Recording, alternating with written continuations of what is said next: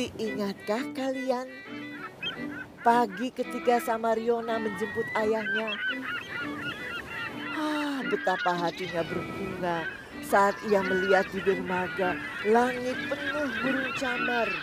Di udara mereka berkitar-kitar mengincar tangkapan yang dibawa kapal layar. Semakin banyak perahu membuang saut, semakin mereka meracau riuh. Sahut menyaut dengan pekik anak-anak desa yang saling berebut. Mendorong sampan, menarik jaring, menyambut para ayah yang baru berlabuh. Tapi, tapi, ah, di manakah Puang? Samariona belum melihatnya di antara nelayan yang bersimbah peluh. Daeng, adakah kau dan ayah berpapasan saat tadi menyeberang lautan?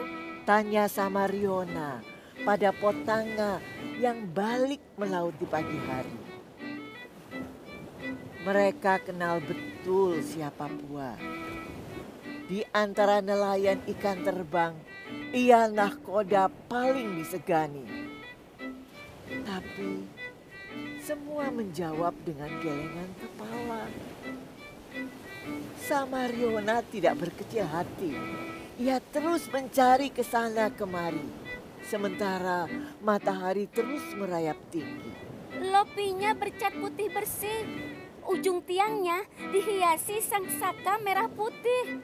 Ia bertanya pada Pameang, nelayan pancing yang biasa pulang sore hari. Sandek ayahnya mudah dikenali. Bukankah perahu layarnya juara lomba berkali-kali? Tapi lagi-lagi mereka menggelengkan kepala.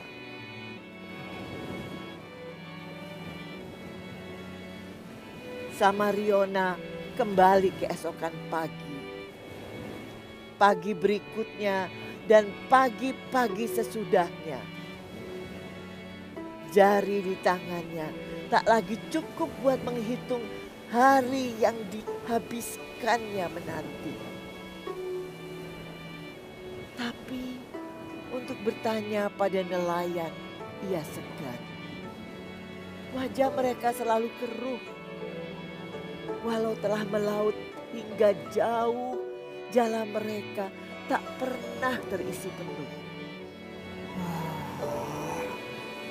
Semakin tahun, semakin sedikit saja hasil tangkapan kita. Hmm. Ia dengar mereka berkeluh. Dalam batinnya, Samariona pun bertanya-tanya. Itukah alasan Pua belum pulang jua? Firasatnya tambah tak enak saat alam munculkan aneka gelagat. Angin kencang, awan pekat, dan dalak gutur dan saling lempar antara petir dan kilat. Semua pertanda datangnya si Tepo Wara, musim penghujan angin barat. Itu waktunya puting beliung dan ombak raksasa usir nelayan balik ke darat. Ah, ke manakah gerangan Pua? Apakah ia dan awaknya dalam keadaan selamat?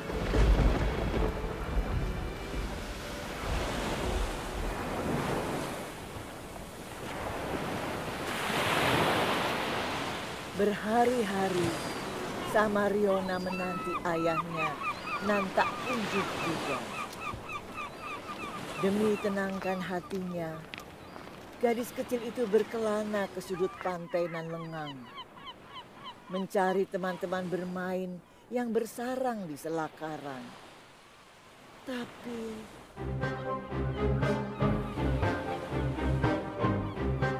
Ah, oi, lihat apa yang kudapat. Wah, kelomang. Ayo, ayo, kemari kan. Ah, sial. Ia malah bersembunyi ke dalam cangkang. Hei, carikan kayu. Ya, betul.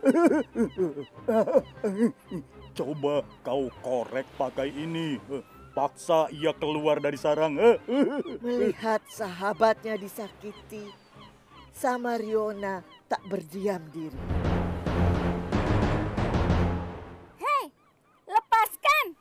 Eh, sama Riona, apa urusanmu?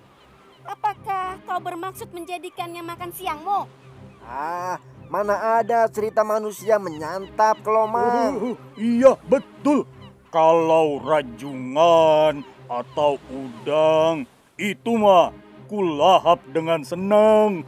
Kalau begitu, biarkanlah binatang itu hidup dengan tenang.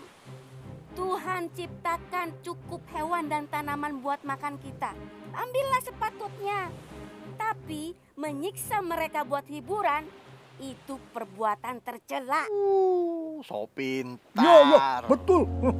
Lagi pula, apa pedulimu? Hmm, mereka cuma binatang melata tak berharga.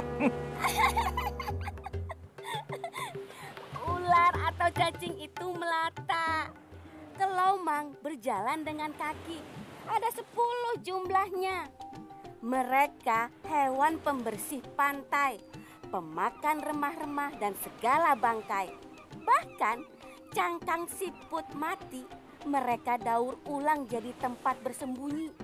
Itulah kenapa mereka juga disebut kepiting tapa.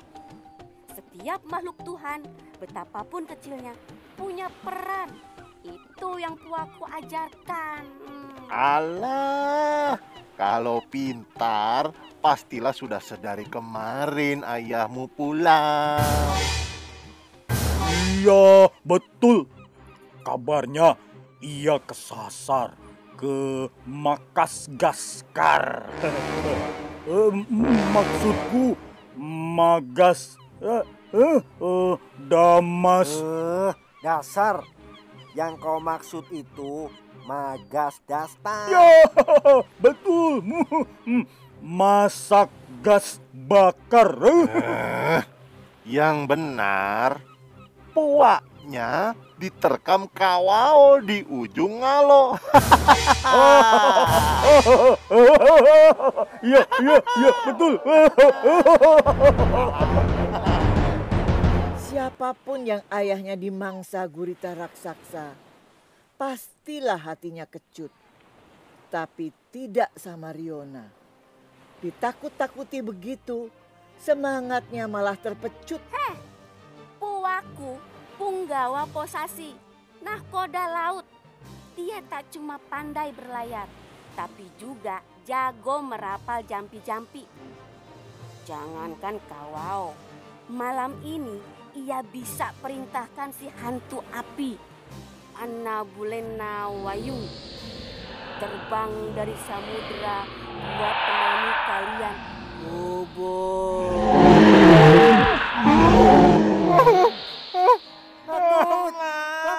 Ya, ya betul.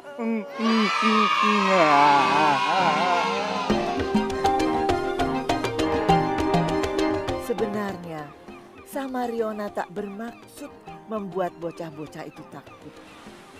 Ia bahkan tidak tahu apakah ayahnya benar berkuasa atas para jin laut. Tapi apa boleh buat? Melawan bully kita harus beranikan diri. Yang penting temannya si Kalomang selamat dari maut. Tapi ah, apa itu yang mencubit-cubitnya di kaki?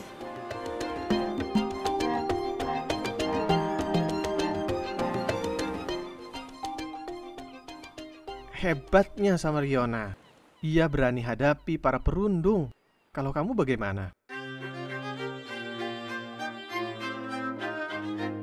Ah, tapi sedih di hatinya. Tak kunjung bisa dicari pelipur lara. Lalu apakah kelomang-kelomang yang dibantu sama Riona bisa balik membantu? Yuk simak lanjutannya di episode berikut. Eh, tapi jangan lupa buat cek kembali media sosial kami di Instagram at museum underscore weekend, juga di Facebook Akhir Pekan di Museum. Di situ kamu bisa jelajahi kapal mandar yang terpajang gagah di Museum Nasional, sembari belajar mengenai kelomang dan segala kawanan yang hidup di Laut Nusantara. Ayo ikutan!